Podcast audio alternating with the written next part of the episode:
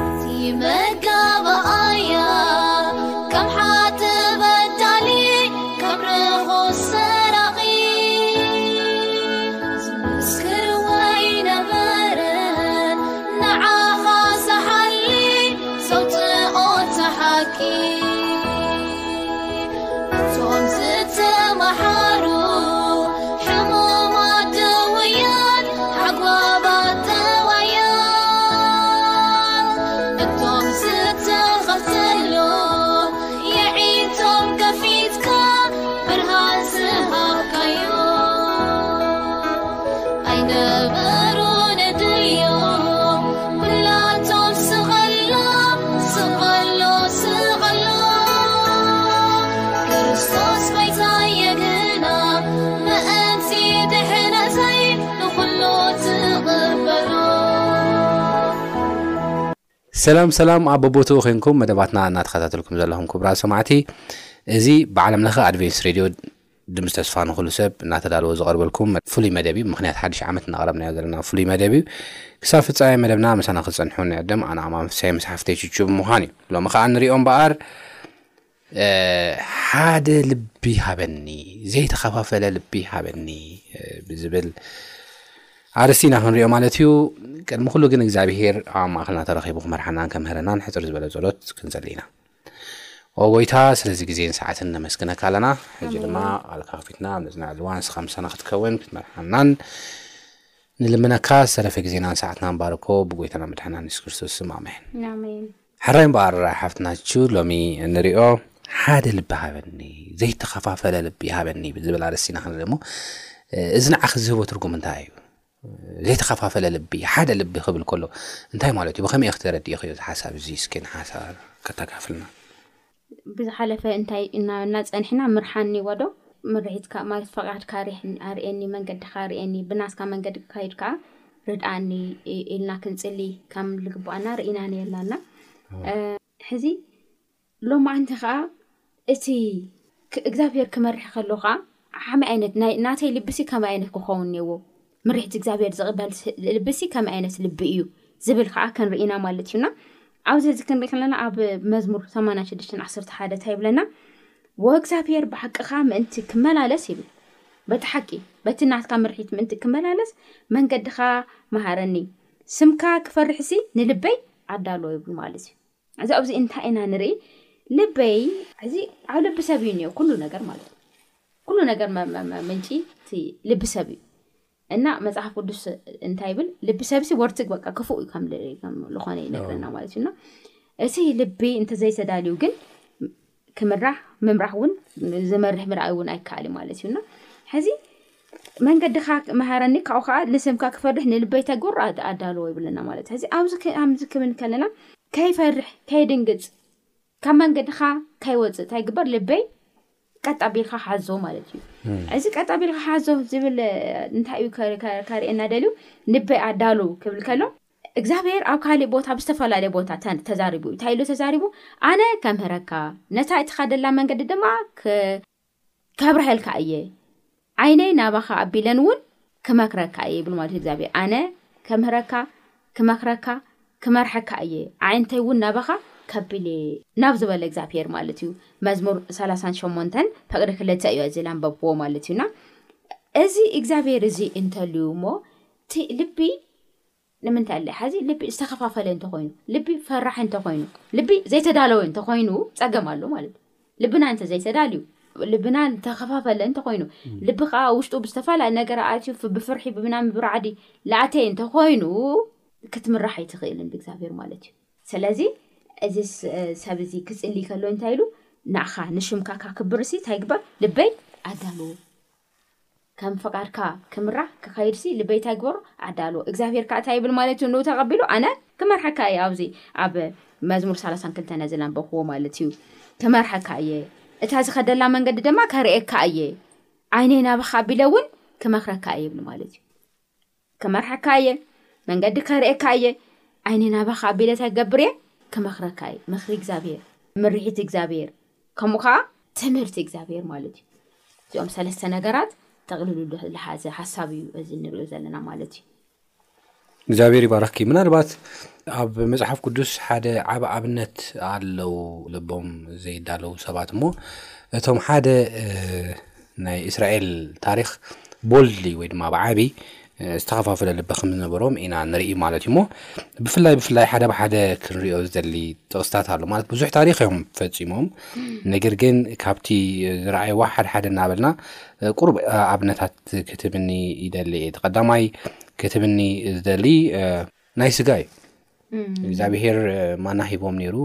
ደሓር ግን ከጉረምርሙ ከለዉ ኢና ንርኢ እሞ ከመይ ነይሩ እቲ ህሞት ኣብዚ ከ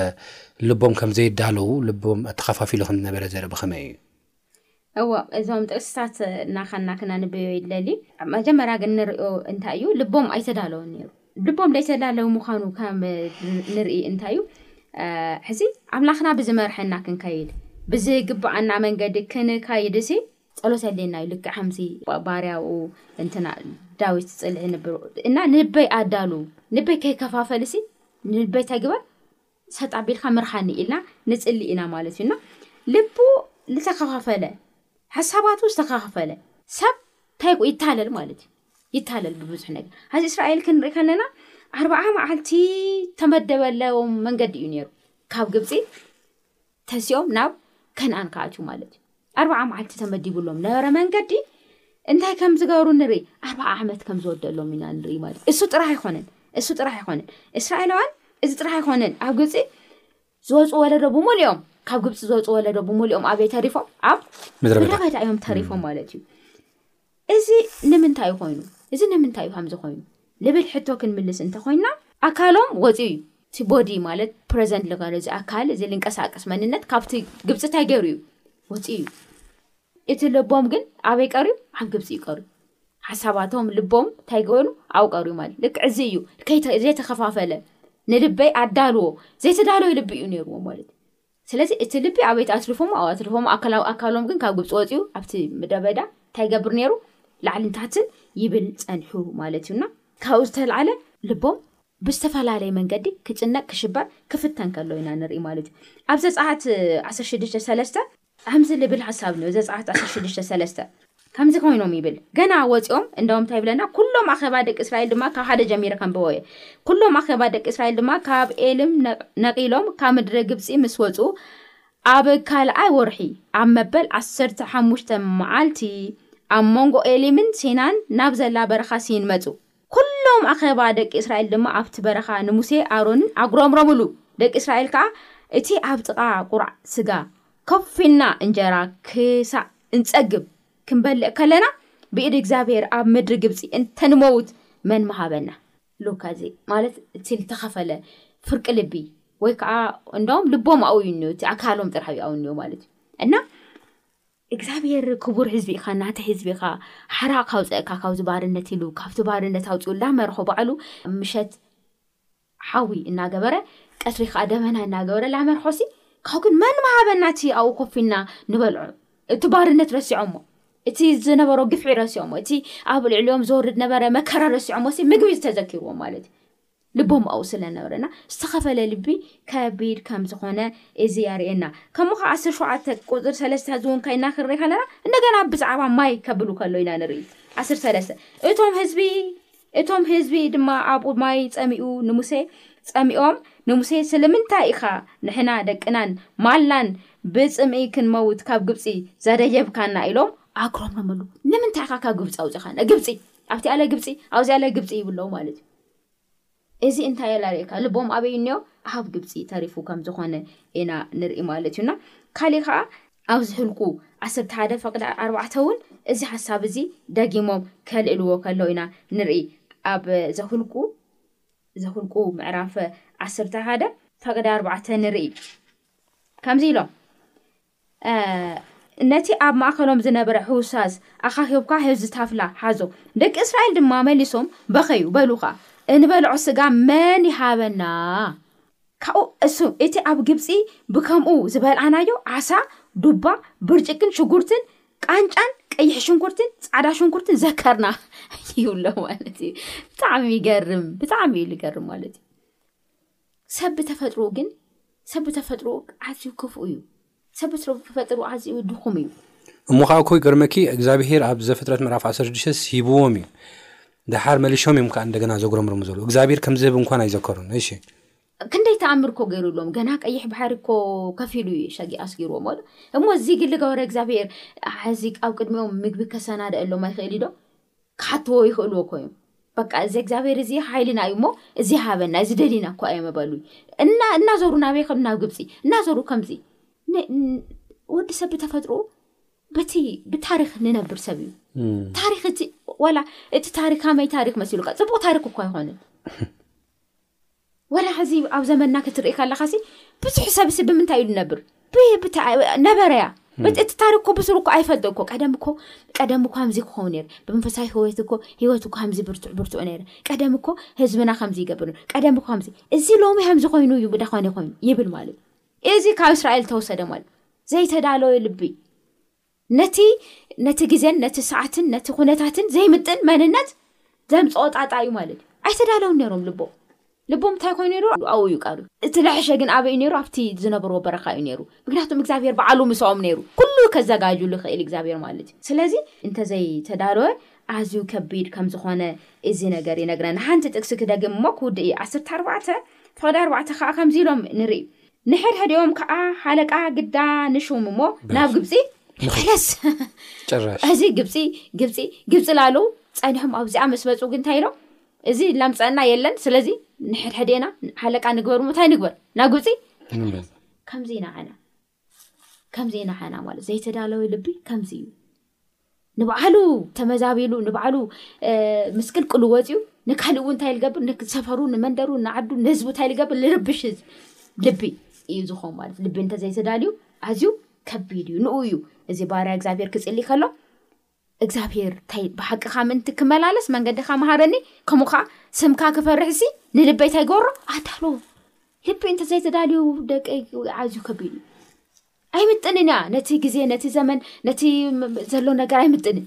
ብድሕሪኡ እንታይ ይልኸውን መዕገርገር ይኸውን ማለት እዩ ይዕገርግር ሰላም ክውከት ይኸውን ስለዚ እዚ ፀሎት እዚ ኣዝዩ ወሳኒ እዩ በዚ ዓመት እዚ ብሓቂ ንእግዚኣብሔር ልብና ኣዳሉ ምስቲ ዘመን ምስቲ ግዜ ላሓተና ባሕባር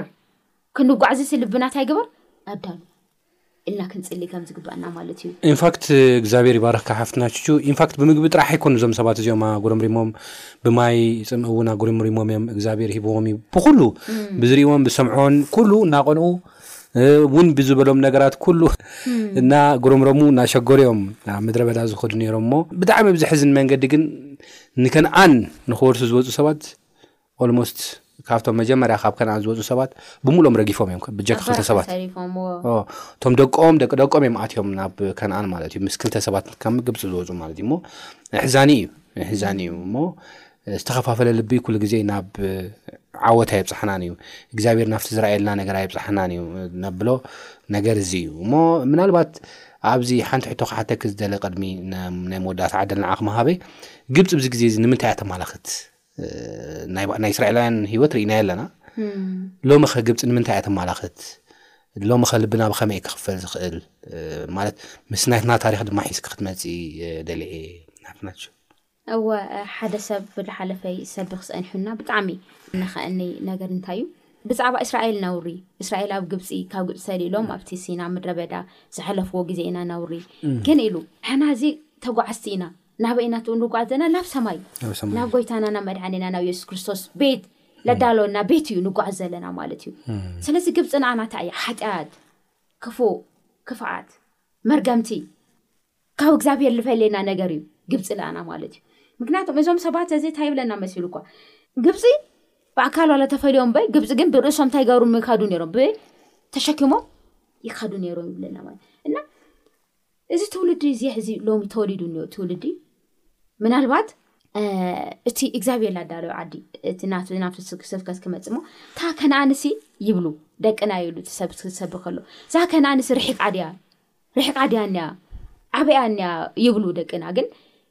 ሕና ግን ብዝተፈላለየ ነገር ተጸሚድና ስለ ዝኾንና ብዝተፈላለየ ሕማቕ ነገር ብክፉእ ነገር ስለ ተጸመድና ናትና ትውልዲ እስካብ ዝሓልፍ እዋ ከነኣን ርሑቕ እያ ይብል ማለት እዩ ዝሰብ ክሰብ ከሎና ሎሚ ናይ እግዚኣብሔር መንግስቲ ፅድቂ ናይ እግዚኣብሔር ክብሪ ከይንርኢ ኣብ ምድረ በዳ ከምቶም እስራኤላውያን ክንተርፍ ንኾን ደለና እንታይ እዩ እቲ ግብፂ ካብ ርእስና ዝሓዝናዮ ናይ ሓጢኣት መንገዲ ናይ ክፍኣት መንገዲ ስለ ዘይተፈለየና እዩ ማለት እዩ ሎሚ ቀተልቲ ነብሲ ኮይና ኔና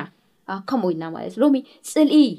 ኣብ መንጎ ኣሕዋት ላተኸልና ኔና ከምኡ ኢልና ሎሚ ሓሜት ሎሚ ሓደ ሓደ እግዚኣብሔር እግዚኣብሔር ሲ እቲ ካብ ሓጢኣት ኩሉ ዝፀልኦ ሓጢኣት ኢሉ እኮ እግዚኣብሄርሲ ሽዱሽተ ነገራት ይጸሊ እሞ እተ ሻውዒቲ ግን እንታይ ይብል ነብሰይሲ ኣዝያሲ እንታይ ይገብር ትጽየፎ ኢሉ ብልዎ ኣዝያ ተፈንፍኖ ኢሉ ብል ሎሚ ግን ኣብ መንጎ ኣሓዋት እንታይ ንገብር ኣብ መንጎ ኣሓዋት ጽልኢ ትተክል ነብሲ እዩ ልብል እቲ እግዚኣብሄር ኣዝዩ ዝጸልኦ ነገር እዚ እግዚኣብሄር ዝጸልኦ ነገር ተሰኪምና ኢና ዘለና እዚ ከዓ እንታይ እዩ ግብፂ እዩ ማለት እዩ እዚ ግብጺ እዚ ኣብ ርእሴና እስካብ ለሎ ከኣ ከንኣን ክንኣቲ ኣይንክእል ኢዩ። ልክእ ከምቶም ግብጻውያን ታይ ንገብር ኢና ታይ ንገብር ኢና ከምቶም እስራኤላውያን ኣብ ምድረ በዳ ልተረፉ ምድረ በዳ ኢና ንተርፍ ንተርፍ ማለት እዩ ንተርፍ ግን ሕዚ ንወጽእ ንወጽእ ልግባኣና ነገር ግብጺ ማለት እቲ ናይ ሓጢኣት መንገዲ እቲ ክፍኣት እቲ እግዚኣብሄር ዘጉሑ መንገዲ ኩሉ ገዲፍና ቀንጢጥና ብወዱ ደም ተሓጺብና ነጺሕና ንቅድሚት እንተ ተኸይድና ግን እታ ከነኣን እንታይ እያ? ኣብ ቀረባ እያ ዘላ። ንባዕልናለ፣ ንደቅናለ፣ ንትውልዲ ነዚ ውለዶ ነዚ ወለዶ ብምሉኡ እንታይ ንገብር? ነጻ ነውጽእ ማለት እዩ። ብኣና ምክንያት እዚ ሎሚ ትርኢ ኣለኻ ዶ ውሉ ተወለደ ካመይ ኣበይ ኣበይ ስቃይ ሃምለ ኣሎ። ውሉድ ኣበይ ሃም ኣብ መከራ ለ ሃምለ ኣሎ። ብኣና ምክንያት ማለት እዩ። እግዚኣብሄር ግን ናትና ለውጢ ዝጽበይ ስለ ዘሎ ነቲ ውሉድ እንታይ ይገብሮ? በቲ ስቃይ እዚ ክሃልፍ ይገብሮ ኣሎ ማለት እዩ። ልገርመካ እኳ ኣብ እስራኤል እቶም እስራኤል ኣብ በረኻላት ላዞሩ ማኣት ተወሊዶም ነይሮም እዮም ዳሃሪ ተወሊዶም ብትበረኸዋ እንታይ እዩ ኣይንኣቲ ድና እታ ከነኣን እንታይ እያ ርሕቃትና እንታይ ኹም ኣይትወስዱና ይድኹም ርሑቁ ድሕርቅቲ ድያ ገለ ይብሉ ዳሃረ ግን እሶም ሃሙ ኢሎም ካብኡ ዝወፁ ዓበይቲ ኩሎም ኣብቲ በረኻ እዮም ተሪፎም ማለት እዩና ሎሚ ግን እቲ ናይ ግብፂ መርገም ካብ ውሽጥና እንተዘይውፅኢና ንዓና እውን ዚታ እያ እዛ ከነኣን ርሕግቲ እያ ማለት እዩ ስለዚ መንግስቲ ኣምላክ ክነፍጥን እንተኾይንና ናብ ንስሃ ንእቶ ካብ ሓጢኣትና ንመለስ ንባዕልና ነትርፍ ንትውልዲ እውን ነትርፍ ልብል መልእክቲ እኒኤኒ ኣነ ማለት እዩ እግዚኣብሔር ይባርኽኪ ሓፍና ቹቹ ኣነ ሕቶታተይ ኣብዚ ወዲኤ ኣለኹ ኣነ ምናልባት ኣነ ኣይሓተትክዎን ክትንከፍ ኣለዎ ዝተኸፋፈለ ልቢ ሒዝና ናብ ክተሸን ዓሰርተ ሓሙሽተን ክንኣቱ የብልናን ሙሉእ ልቢ ሒዝና ኣብ እግዚኣብሄር ሙሉእ ልብና ተኣሚንና ክንከይድ እዩ ዘለና ኣብ ዝብል ሓሳብ ዝረኣናዮ ኣፅኒዕኺ ኢንፋሲስ ክትብ እዮ ዘይጠቐስኩ ሓሳብ ተሃልዮ ክትጠቕስዮ ትደሊ ተሃሊክ ንዓኺ ዕድል ክበኪ እወ ኣይ እንታይ ክብል ይደሊ እታ ጸሎት እዚኣ ክንጽልያ ማለት እዩ ወእግዚኣብሔር ብሓቅኻ ምእንቲ ክመላለስ መንገድኻስ ኣይግበር መሃረኒ መሃረኒ ማለት እዩ ኣምሀረኒ ኢልካ ካብኡ ስምካ ክፈርሕ ሲ ንልበይ እንታይ ግበሮ ኣዳሉ እዚኣ ፀሎት ክንፅሊ ማለት እዩ እዚኣ ፀሎት መዓልቲ መዓልቲ ክንፅሊ ማለት እዩ ልብና ኣዳሉ ጎይታ ልብና ተተከፋፊሉ ልብና ናብቲ ናብቲ እርግፅ ሎሚ ልቢ ሊከፋፍል ነገር ብዙሕ እዩ እኒኦ ብዙሕ እዩ እኒኦ እና ሰብ ልቢ እንደውም እኮ ጥንካሬ ስለ ዘለዎ ካብ ኣምላኽ ዝተዋሃበ ስለ ዝኾነ እዩ ንዚ ኩሉ ፀይሩ ድኸ ዘሎ ግን ሕዚ እውን እግዚኣብሄር እሙን እዩ፣ እግዚኣብሄር ጻዲቕ እዩ እና እግዚኣብሄር ከዓ ኣነ እንታይ ገረካይ ከምህረካይ ኣንተሉ በላዮ መዝሙረ ዳዊት ሰላሳን ክልተን ሸሞንተ ኣነ እንታይ ገረካይ ከምህረካ እየ እታ ትኸደላ መንገዲ ድማ እንታይ ገብረልካ እየ ክመርሐካ እየ ከርእካ እየ ዓይነይ ናባኻ ኣቢለን እውን ክመኽረካ እየ ይብል ማለት እዩ ስለዚ እቲ ዝርእየና ዘሎ እቲ ቃል ዝኣትየና እግዝኣብሄር እናረኣና ልብና ከዳሉ ናብ ነዳሉ ኣምላኽ እናገበርና እቲ ናይ ዓለም ጣጣ ኮተት ሓጢኣት መንገዲ ኩሉ ገዲፍና ናብ ጽድቂ ተጓዒዝና ወረስቲ ክንኮውን ናይ እግዝኣብሄር መንግስቲ እግዝኣብሄር ጸግኡ ያብዝሓልና። ኣሜን እግዝኣብሄር ይባርኽኪ ሓፍትና ሽቹ። ሙሉእ ልቢ ኣብ እግዚኣብሔር ክህልወና ኣለዎ ልብና ኣብ እግዚኣብሔር ክንዕርፍ ክንክእል ኣለና